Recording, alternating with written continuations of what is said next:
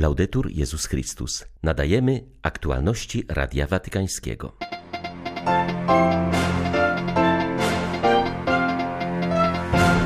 Po kolejnych sukcesach na froncie Ukraińcy coraz mocniej wierzą w zwycięstwo. Zdaniem arcybiskupa Szewczuka jest ono możliwe dzięki prowadzonej bez wytchnienia walce duchowej. Wojna zmieniła oblicze ukraińskiego kościoła. Parafie stały się ośrodkami pomocy humanitarnej. Na wspólnej modlitwie gromadzą się zarówno katolicy, jak i prawosławni. Kapłani są też obecni w okopach wśród obcujących na co dzień ze śmiercią żołnierzy. Nikt tak jak Franciszek nie pamiętał o nas przez 8 lat wojny w Donbasie i nikt tak jak on się teraz za nami nie wstawia, mówi znajdujący się w Zaporożu na linii frontu biskup Jan Sobiło. 31 marca witają Państwa ksiądz Krzysztof Ołdakowski i Beata Zajączkowska. Zapraszamy na serwis informacyjny. Potrzebujemy wspólnego zaangażowania, aby ratować ludzkie życie, powiedział sekretarz stanu Stolicy Apostolskiej przed podróżą papieża Franciszka na Maltę. Kardynał Pietro Parolin zaznaczył, że wizyta będzie koncentrować się na potrzebujących, na zjawisku migracji i na nadziei, że ustaną wszystkie wojny, również ta tocząca się aktualnie na Ukrainie. Dziękujemy Panu za to, że jesteśmy świadkami prawdziwego współzawodnictwa w solidarności z uchodźcami z Ukrainy. To naprawdę godne podziwu, co robią dla nich różne kraje europejskie. Mam nadzieję, że to tragiczne doświadczenie pomoże w poszerzeniu świadomości, iż obecni są jeszcze inni migranci, ci przybywający z południa. Powinniśmy dążyć do tego, aby nikt nie był zmuszony do opuszczenia swojej ojczyzny z powodu konfliktu, braku bezpieczeństwa lub biedy. Dlatego też należy inwestować w krajach pochodzenia, zwłaszcza pod względem rozwoju gospodarczego gospodarczego, stabilności politycznej, dobrych rządów i poszanowania praw człowieka.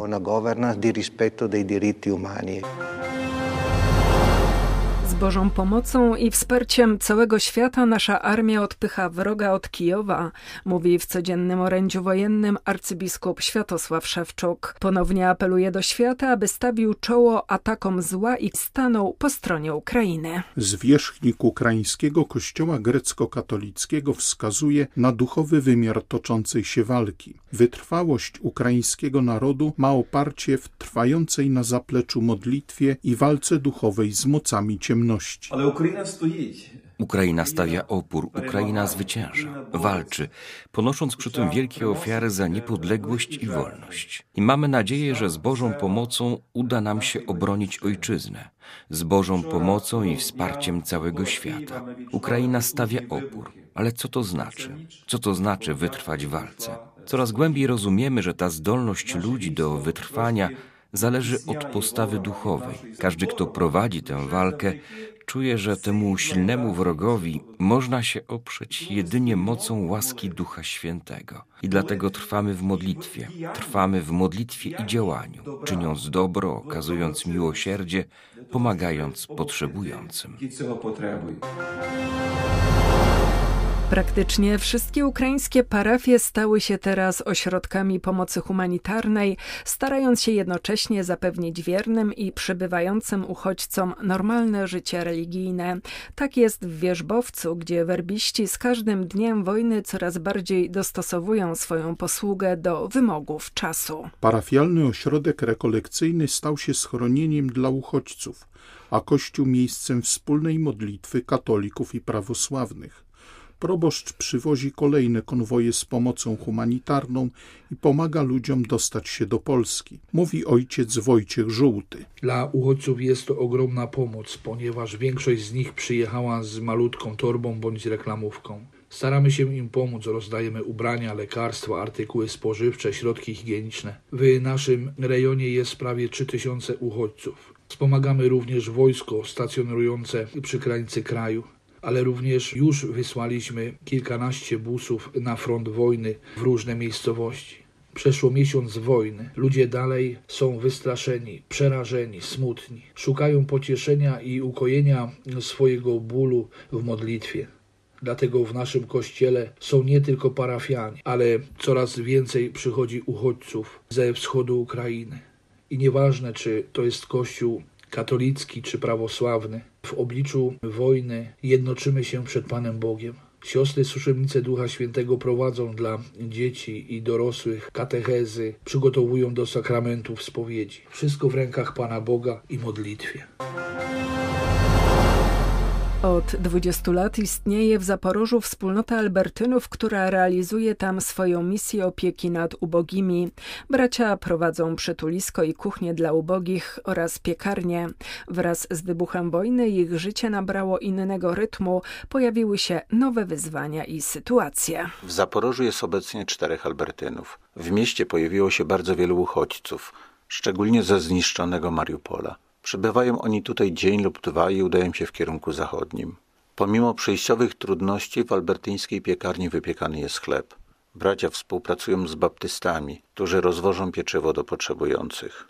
Bracia w Zaporożu są w trudniejszej sytuacji, bo tam rzeczywiście wróg stoi już po prostu za granicą. Mówi brat Bernard Czarnucha, Albertyn z Lwowa. Tam e, Energodar, czyli elektrownia potężna e, atomowa, która jest po drugiej stronie jeziora Zaporowskiego, e, została przez Rosjan zajęta i, i to też wywołuje ogromny stres. Jak powiem, na co dzień widzi się te posterunki.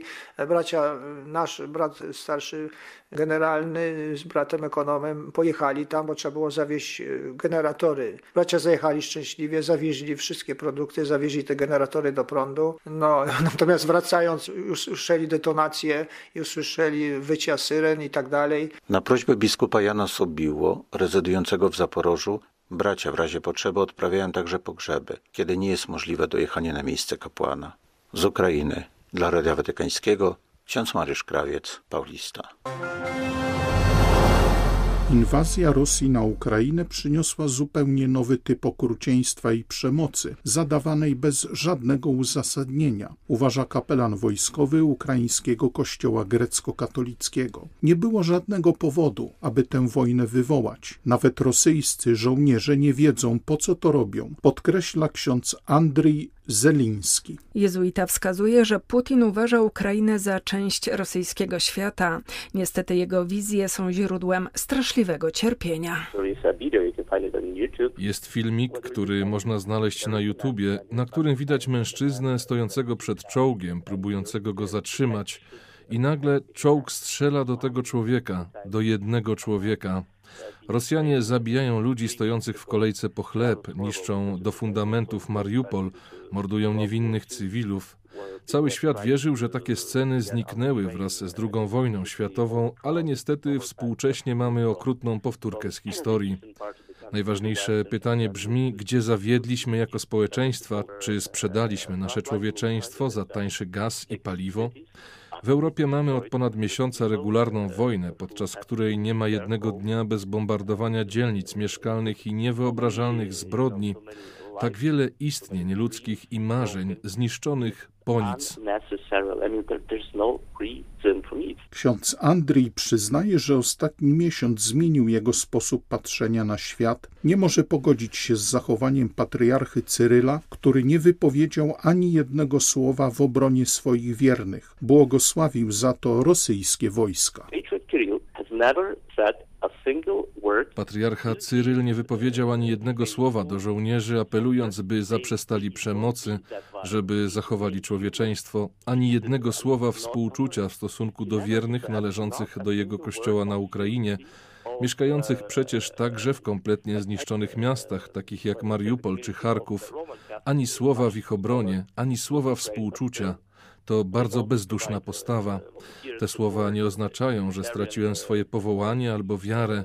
Wierzę po prostu, że tylko prawda nas wyzwoli, a taka jest rzeczywistość.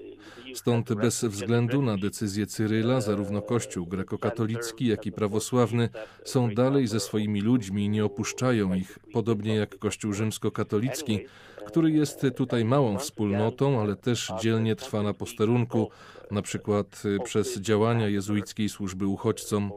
Tymczasem patriarcha Cyryl, w czasie gdy trwają masakry, błogosławi rosyjskie jednostki Gwardii Narodowej, te same, które później zabijają ludzi na Ukrainie. Chrześcijanin nie powinien czegoś takiego tolerować.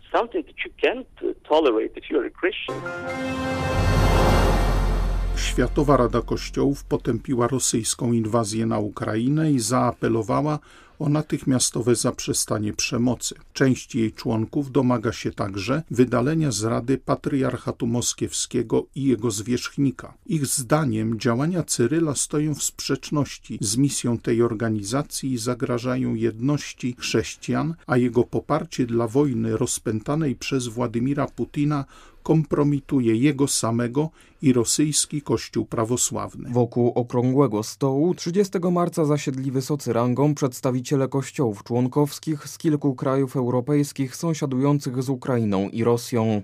Rozmawialiśmy na temat przyczyn konfliktu i możliwych działań na rzecz przywrócenia pokoju, wyjaśnił sekretarz generalny Światowej Rady Kościołów ksiądz Joan Sauka.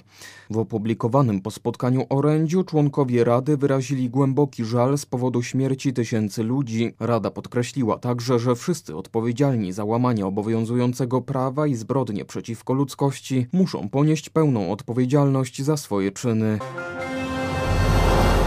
Nikt tak jak Franciszek nie pamiętał o nas przez 8 lat wojny w Donbasie i nikt tak jak on się teraz za nami nie wstawia.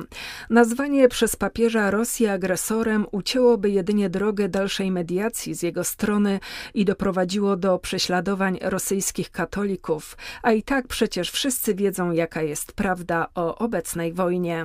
Wskazuje na to biskup Jan Sobiło w swoistym liście z linii frontu przesłanym do Radia Watykańskiego. Polski duchowny od 10 lat jest biskupem pomocniczym diecezji charkowsko-zaporowskiej, obejmującej tereny separatystycznych republik donieckiej i ługańskiej. Biskup Sobiło stwierdza, że za odważne słowa papieża o agresji zapłaciliby życiem niewinni ludzie. Wskazuje, że Ojciec Święty jest obecnie jedynym mediatorem, który może próbować wypracować pokojowe porozumienie z Rosją i jeszcze poznamy prawdę o tym, jak wiele robi dla Ukrainy. Troska papieża ojca wszystkich ludzi jest bardzo widoczna. W tym czasie panujących rozdarć, niepokojów, papież jest tym, który buduje mosty i ma za zadanie utrzymać świat w jedności i nie dopuścić do rozprzestrzenienia się zła do takiego stopnia, żeby nie doszło do nuklearnej wojny, która mogłaby